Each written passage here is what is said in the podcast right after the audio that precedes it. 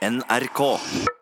Psykisk syke mennesker som har vært innlagt, dør i snitt 20 år før de andre. Og det er fordi kroppen helt blir glemt i rus- og psykiatriomsorgen. Det sier i alle fall 750 sykepleiere i en spørreundersøkelse. Og doktor Morten Munkvik, Ja, hva er din kommentar til det? ja jeg, det tror jeg dessverre stemmer. Hvorfor har det blitt sånn? Jeg tror det er blitt sånn fordi at man er så fokusert på å ta godt vare på den psykiatriske biten av helsebildet til denne pasienttypen. At man skal gjøre det så godt som mulig på den psykiatriske biten, og så glemmer man alt man egentlig burde huske.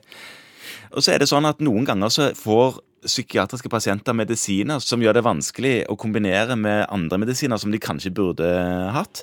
Det kan òg være et moment enkelte ganger. Blir den eh, fysiske helsa til psykisk syke målt i det hele tatt? Ja, man vet jo det at eh, man har en overdødelighet av livsstilsrelaterte lidelser hos psykiatriske pasienter. Så man måler jo dette her. Man har jo register på dette her og ser at eh, psykiatriske pasienter dør av livsstilsrelatert sykdom, hjerte-karsykdom, røykerelatert lidelse. De er ikke så flinke til å ta vare på seg selv. Nei, altså det blir de heller ikke leda i rett retning, og, og på lik linje som en somatisk syk pasient ville, eller en psykiatrisk eh, ikke-pasient.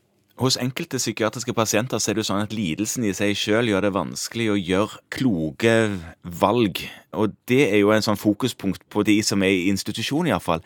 At de som jobber der, kan være med å legge til rette på en bedre måte enn en gjør i dag, til økt fysisk aktivitet, bedre, sunnere kosthold, begrense røyking, selv om det der er vrient i enkelte psykiatriske settinger å, å gjøre den typen tiltak. Men det burde legges bedre til rette for. Kan du tenke deg til hvorfor dette har skjedd, når en vet så mye om hvordan kropp og syke henger sammen? Ja, Det er et godt spørsmål, og disse tingene blir jo tatt inn i stadig større grad i disse retningslinjene som man alltid forholder seg til i Helse-Norge. Sånn, de psykiatriske retningslinjene, der er det et større fokus nå på livsstilsrelatert eh, intervensjon, på lik linje som det er hos somatisk syke. Hvordan vil vi se endringene framover, tror du? Jeg, jeg håper jo at man vil kunne se de endringene med at når man gjør opp en ny status om en 10-15 år, så er det mindre forskjell mellom psykiatripasienter og de som ikke har en psykiatrisk lidelse når det gjelder hvor fort de dør av livsstilsrelatert lidelse.